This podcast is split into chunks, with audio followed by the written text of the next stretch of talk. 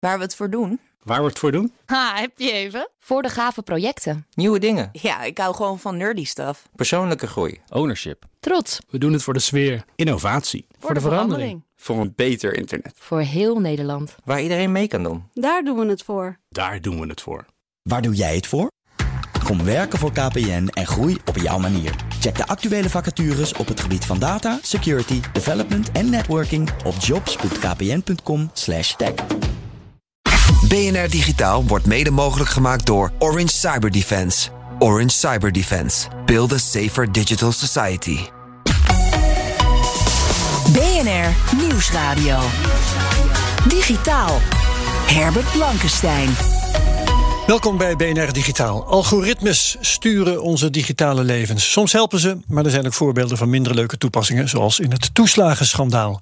Om transparanter te zijn, komt de Sociale Verzekeringsbank, de SVB, met een register van de algoritmes die het loslaat op uitkeringsgerechtigden.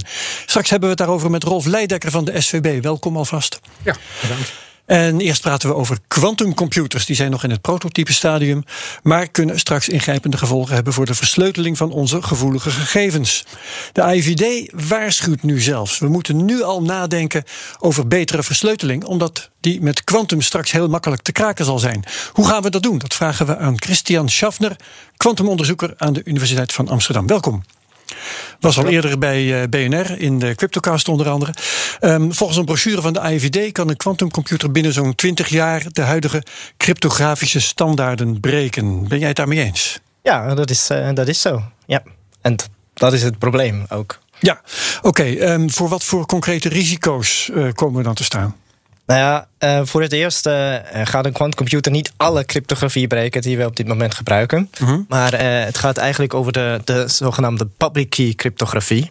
Maar dat is wel een heel belangrijk onderdeel van de cryptografie. Die, die ja, die wordt gebruikt bij e-mail coderen. Um, Bijvoorbeeld bij... als we internet beveiligd gebruiken, als het kleine sleuteltjes ziet in de, ja. in de hoek, ja, dan gebruiken we cryptografie om die. En bij cryptocoins volgens mij ook. Ja, in de, in de cryptocurrencies is dat ook belangrijk. Maar eigenlijk ja. overal, hè, betaalpasjes, um, software updates is een heel belangrijke. Hè, dat, je, um, dat je een digitale uh, signatuur gebruikt om, um, om software updates te beveiligen. Dat je zeker weet dat de update ook komt waar Inderdaad, je vandaan moet precies, komen. Precies, dat wat de software ja. die je installeert op je, op je uh, device, dat dat uh, geen malware inhoudt. Ja, dan zegt de AIVD eigenlijk, als je een bedrijf bent bijvoorbeeld en je hebt gegevens te beveiligen, dan doe je dat nu misschien door ze versleuteld op te Ze zeggen als jouw gegevens versleuteld en wel nu worden gejat, dan kan de boef ze bewaren totdat hij over een paar jaar een quantumcomputer heeft en dan kan hij ze alsnog decoderen. Dus eigenlijk moet je nu al kwantumveilig je gegevens versleutelen. Inderdaad. Is dat een steekhoudend verhaal? Is dat inderdaad ja. een waarschijnlijk scenario? Ja, dat is wel uh, een, een, probleem dat maakt dat we eigenlijk daar nu al uh, mee aan de slag moeten. Juist wat je noemde, hè, dat, uh, dat je kan op de, bijvoorbeeld internetverkeer, die versleutelen is gewoon opslaan en dan op een, op een later moment pas ontsleutelen als je de quantumcomputer ja. beschikbaar komt. Dan denk ik misschien aan banktransacties. Maar als ik over tien jaar een quantumcomputer heb, wat interesseren mij dan nog de banktransacties Inderdaad. van nu? ik, denk, ik denk dat het op dit uh, moment belangrijk is voor, voor uh, geheimen die je voor meer dan twintig jaar veilig moet houden. Hè. Denk aan staatsgeheimen. Denk aan mm. medische gegevens die uitgewisseld worden. Ja. Die je misschien wil beschermen voor de hele maar leeftijd. bedrijfsgeheimen misschien ook wel. Uitvindingen ja, of zo. Patenten. Inderdaad, ja. Dus voor ja. dit soort uh, geheimen um, moet je nu overgaan naar, uh, naar een, naar ja. post-quantum cryptografie. Oké, okay, de, de post-quantum cryptografie. Ik heb de afkorting al voorbij zien komen. Staat in de brochure van de IVD. PQC. -hmm. Dat is iets belangrijks voor de toekomst. Dus PQC, onthoud dat. Verzin een ezelsbruggetje of zo. Maar wat voor maatregelen kun je dan nu al nemen? Is die uh, die, die kwantumveilige um, cryptografie, is die er inderdaad al? Kun je die kopen? Die is er bijna. Dus daar, daar, zijn we nu als wetenschappers mee bezig. Dus de IVD omdat... is wel op tijd, maar eigenlijk nog een beetje te vroeg zelfs. Ja, je, er zijn een aantal dingen die je nu al kan doen. Uh, er zijn een soort uh, een aantal no-regret moves die je sowieso kan doen. Namelijk bijvoorbeeld achterkomen waar in, je huidige systeem je public key cryptografie überhaupt gebruikt. Mm -hmm. en bijvoorbeeld. Oké, okay, dat je vast in kaart brengt hoe dat je, je inventariseert waar, waar, hoe, hoe, hoe ziet je systeem eruit en Mhm. mm -hmm. welke dingen zou je moeten veranderen om dus veilig te blijven, ook over tien jaar, um, als een quantumcomputer daar is. Um, Ja, en waar moet je dan naar over, uh, naartoe overstappen? Dat is dus, wat ik zei, er is een, een heel proces gaande.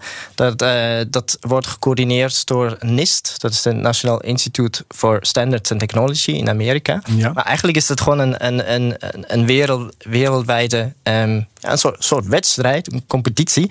waar gewoon onderzoekers hun voorstellen konden indienen. En dan komen er, zijn er verschillende ronden... waar in elke ronde weer een aantal van die voorstellen doorgaan. En ze zijn nu waarschijnlijk met de laatste ronde bezig. Dus we wachten Aha. vanaf volgend jaar of misschien een jaar erop een nieuwe standaard te hebben.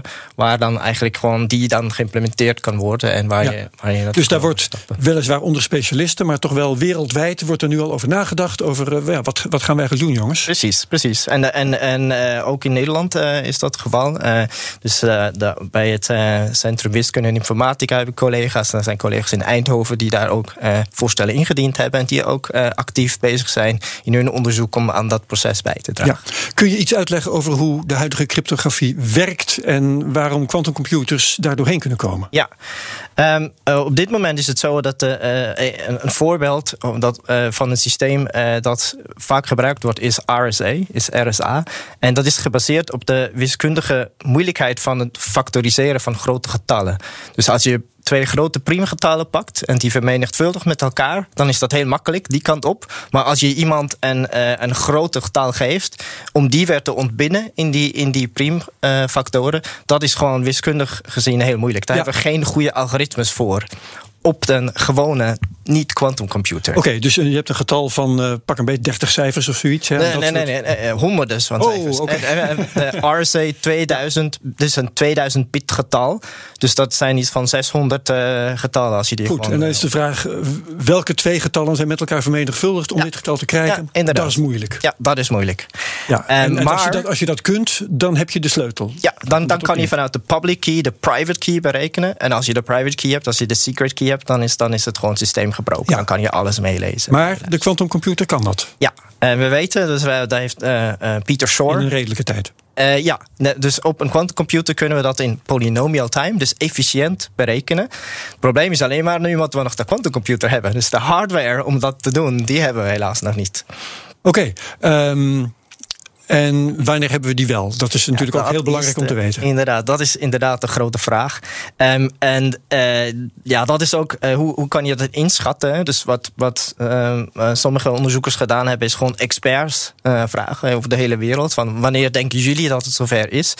En um, daar, sommigen denken dat er al over tien jaar zo'n quantumcomputer bestaat die groot genoeg is om, om de huidige cryptografie te breken. Maar eigenlijk is de consensus meer dat het wel 20 jaar zou duren, of, of nog langer. Maar ja, dat is echt uh, crystal ball reading. Ja. Echt moeilijk te voorspellen. Maar niettemin um, vinden de IVD en jij dat het verstandig is om daar nu al rekening mee te houden.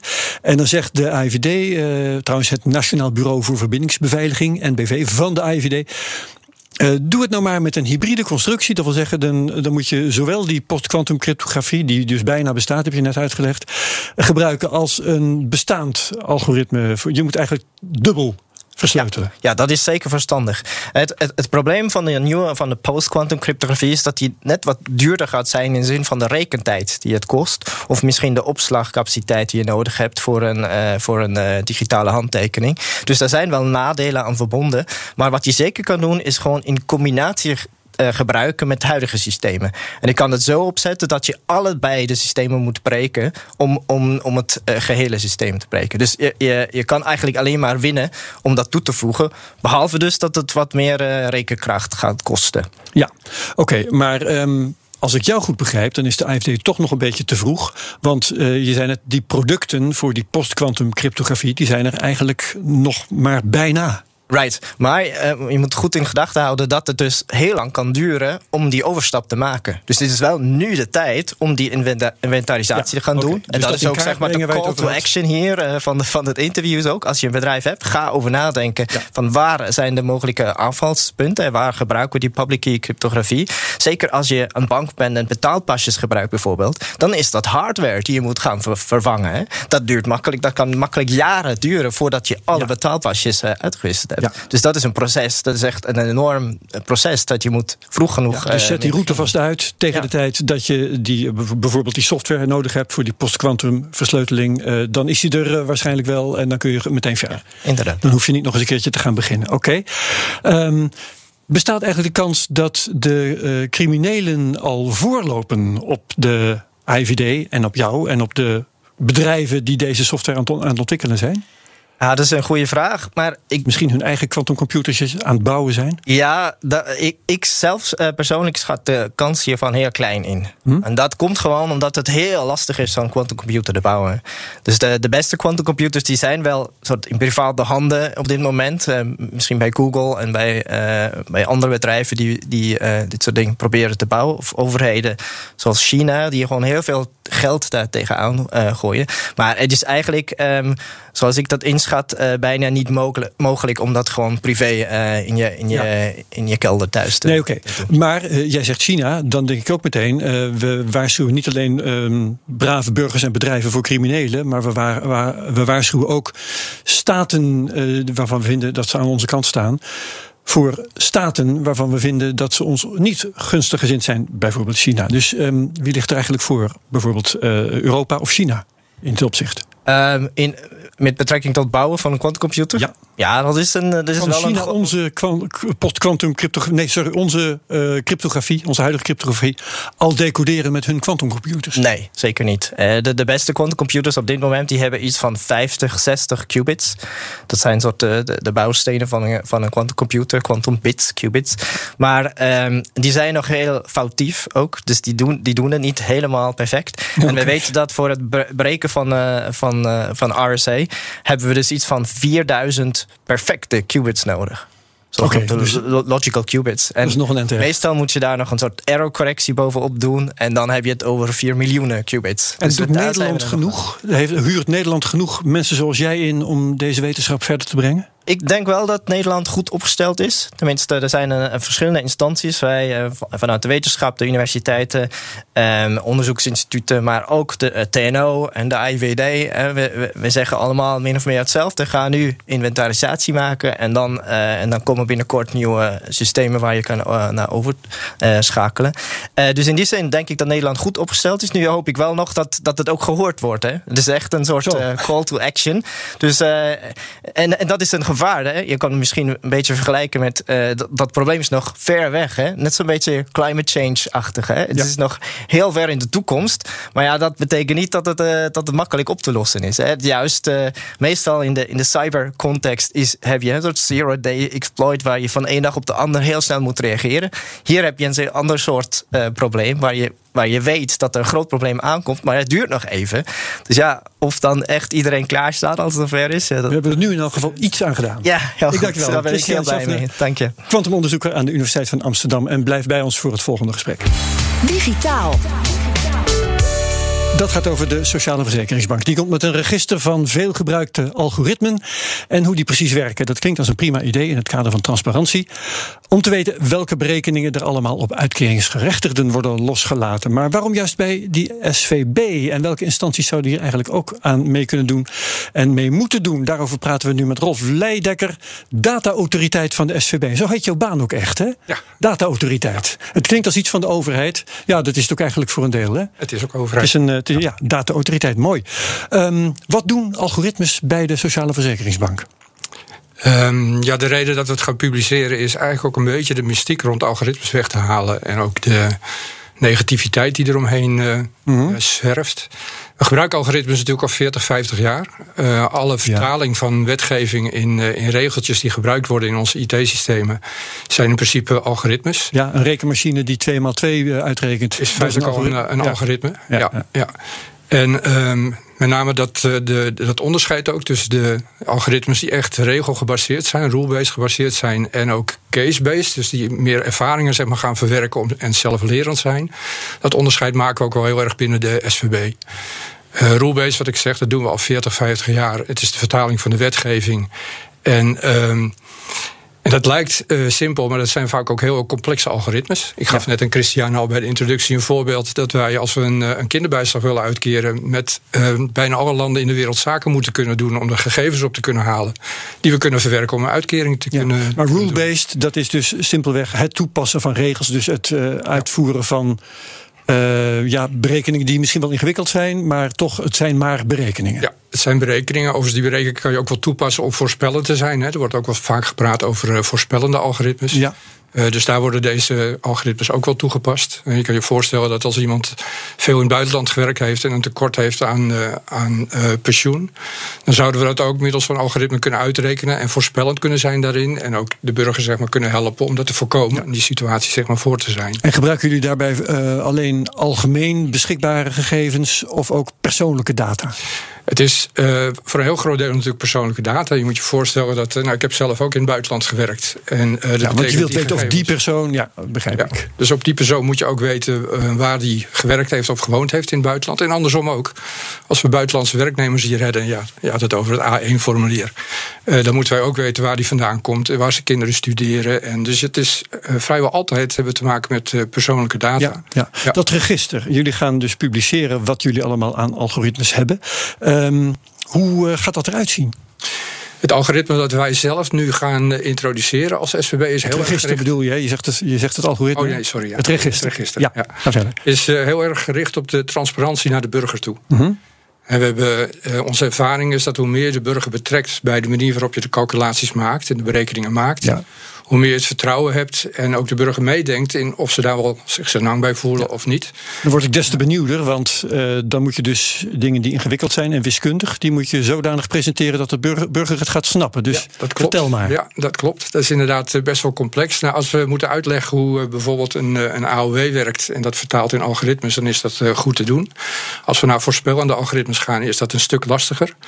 Um, we hebben, het is ook niet zo dat wij zo'n algoritmeregister in één keer publiceren naar buiten toe. We hebben een aantal Mhm. mm -hmm. burgerpanels. Dat zijn panels die wij al veel vaker betrekken bij ontwikkelingen die we doen.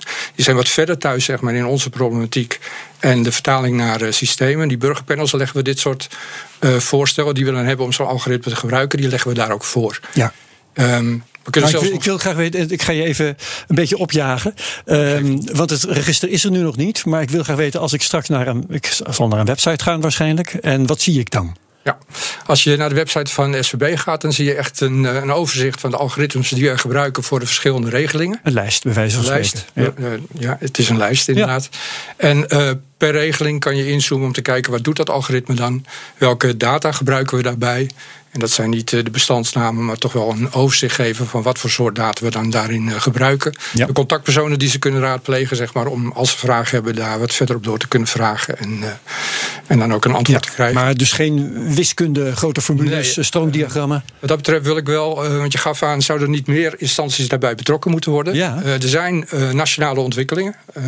de publieke controle op algoritmes is een programma wat gestart is vanuit de Algemene Rekenkamer. En de gemeente ja. Amsterdam doet daar ook in mee. Heeft allemaal te maken trouwens met het feit dat er wel um, bias, hè, dus vooroordelen en dergelijke in algoritmes weet uh, te sluipen.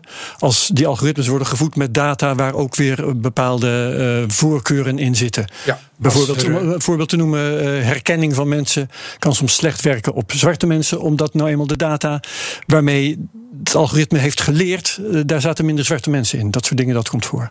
Nee, ik denk niet dat dat voorkomt uh, bij ons op die manier. Nee, ik zeg niet bij jullie, maar dat is uh, iets waardoor algoritmen een slechte naam hebben. In een, in een algoritmeregister, dat is niet het register waar wij in instantie mee komen, maar in ja? een algoritmeregister, zeg maar, waar meer details zit ook over de techniek en de modellen die je gebruikt, zou je inderdaad ook wat kunnen vertellen over de bias en over de, het, de manier waarop je op de achtergrond daarvan zeg maar, omgaat met die verschillen die je ziet.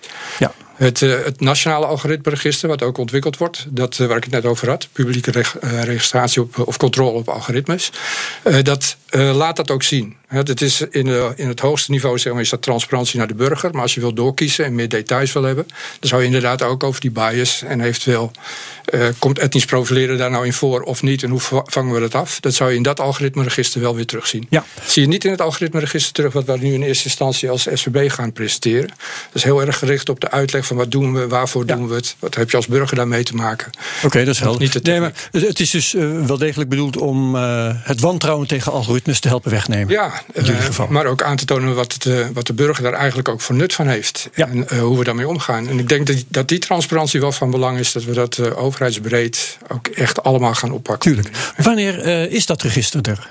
Het is nu nog een plan.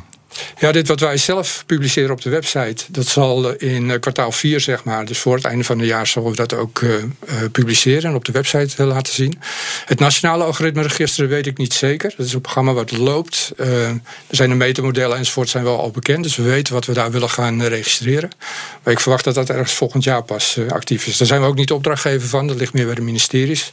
Maar we participeren daar wel in en we draaien daarin mee, omdat we daar ook onze algoritmes straks in willen publiceren. Ja, ja, en die algoritmes van jullie, uh, want we hadden het over vooroordelen en zo. Um, betrappen jullie die wel eens op foutjes? Zitten daar, even terug uh, trouwens, zitten daar ook zelflerende algoritmen bij? Nee, want had, nee. je had het eerst over rule-based, maar je hebt dus ook zelflerende machine learning en zo. Nee, wat ik zei, ons, uh, um, waar we al heel lange tijd mee werken, zijn de rule-based algoritmes. Neem niet weg, we zijn wel aan het kijken naar de zelflerende algoritmes en de case-based algoritmes. afgelopen jaar zijn we met een aantal testen bezig geweest. En, um, en ook ons voortbrengingsproces, ons ontwikkelproces is daarop aangepast. Dus we hebben ook een normenkader ontwikkeld. Wat we voor de normale rule-based algoritmes niet gebruiken. Maar voor de case-based algoritmes, als we die gaan toepassen, zeker wel gaan gebruiken. Um, ook de burgerpanels worden daar weer in betrokken. Om te kijken van hoe gaan we daarmee om en hoe voel je daar nou bij. Want wettelijk mag het misschien wel. Maar ethisch kan het misschien ook nog net wel. Maar voel je daar nou senang bij als burger? Dat is altijd een goede vraag. Ja. Maar dat normenkader is daar wel een, een heel belangrijk in. Om, uh, en, en naar de techniek en naar het voortbrengingsproces. Maar met name ook naar de manier waarop je een zelflerend algoritme gebruikt. Uh, om, daar, uh, om dat ook te toetsen op het moment dat je het met het algoritme bezig bent. En dat gebruik is wel heel erg belangrijk.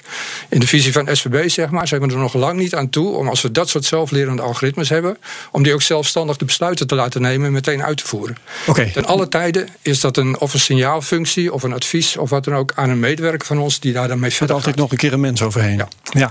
En we hadden um, toevallig ook in de introductie met Christian erover dat met name de resultaten van die algoritmes ook blijven monitoren en Ja. zien inderdaad of je bias of je resultaten nog steeds zijn zoals je het gewenst Ja. had. Dat is ontzettend complex. Is dat, is dat iets waar jij, um, want je noemde het in jouw gesprek, in ons gesprek daarnet, uh, Christian, het uh, woord algoritmes ook nog, hè, toen het ging over uh, cryptografie. Um, heb jij met dit soort problematiek te maken in jouw vak? Uh, nog niet direct, maar uh, het is natuurlijk wel ook heel interessant, uh, omdat de kwantumtechnologie in de opkomst is hè, en wij dus kwantumalgoritmes aan het ontwikkelen zijn ja. bij, bij QSoft. En uh, een belangrijk punt waar Nederland ook goed in is trouwens, is, is het meenemen van de ELSA-aspecten, van de ethical, legal en societal aspects. Dus juist dit soort vragen stellen van uh, wat heeft het voor ethical impact, wat Ja. heeft het voor legal consequenties als je met, met andere landen samenwerkt, maar ook wat heeft het voor een impact op de maatschappij. En in die zin uh, zie ik daar wel uh. Zeker. Ja, En uh, wat ik nog graag wil weten, Rolf, dat is: um, kan de burger nog op een of andere manier feedback geven als hij die uh, algoritmes tegenkomt en daar misschien een mening over heeft, of misschien uh, dingen signaleert die niet zouden deugen? Kan hij Ja, die, zo de, sowieso die transparantie ervoor bedoeld. En ook de contactpersonen zeg maar, uh, open te stellen om uh, ook reacties te kunnen krijgen. Maar wat ik zei, dat burger, die twee burgerpanels die we hebben, zijn ook al heel belangrijk om uh, feedback te krijgen. Ja. Zeg maar, over nee, maar dat zijn panels die jullie nu gebruiken, maar Ja. straks kun- kan elke burger daarbij en ja. dan. uh, Dat is wel het doel van, de, van het uh, register. Stellen jullie wel een kanaal open dat de burger daar zijn ei over kwijt kan? Ja. Ja, en wat verwachten jullie, hoe verwachten jullie dat het, de algoritmes daar beter van worden? Um, nou, ik, ik heb wel gemerkt, ook bij de burgerpanels, dat je soms verrast bent wat daar nog uitkomt. Uh, burgers kijken toch op een hele andere manier tegen de techniek aan en, uh, en wat er wel en niet kan. En daar ben je echt wel verrast over. Dus onze usability lab en die panels geven, al heel veel informatie. En ik verwacht eigenlijk uit de reacties uit het land ook dat je weer met ver, verrassende nou ja, onderwerpen zeg maar, te maken okay. krijgt. Nou, dit jaar moet het allemaal online komen. Dus ja. dan uh, hopen wij dat ook in de gaten te houden en je misschien nog een keer terug te vragen. Dankjewel, Rolf Leidekker van de SVB en ook Christian Schaffner van de Universiteit van Amsterdam. Goed, tot zover BNR Digitaal. Je kunt dit programma terugluisteren via bnr.nl, onze app of waar je ook maar luistert naar je podcast. En daar vind je ook al die andere podcasts, zoals bijvoorbeeld de Cryptocast, de Technoloog en Space Cowboys. Wat BNR Digitaal betreft zeg ik heel graag tot volgende week. Dag. BNR Digitaal wordt mede mogelijk gemaakt door Orange Cyber Defense. Orange Cyber Defense. Build a safer digital society. Ook Hugo Reitsma vind je in de BNR-app. Superhandig die BNR-app. Je kunt alle programma's live luisteren, breaking nieuwsmeldingen. Je blijft op de hoogte van het laatste zakelijke nieuws. En je vindt er alle BNR-podcasts, waaronder natuurlijk de belangrijkste, Boeken zijn in de wijk. Download nu de gratis BNR-app en blijf scherp.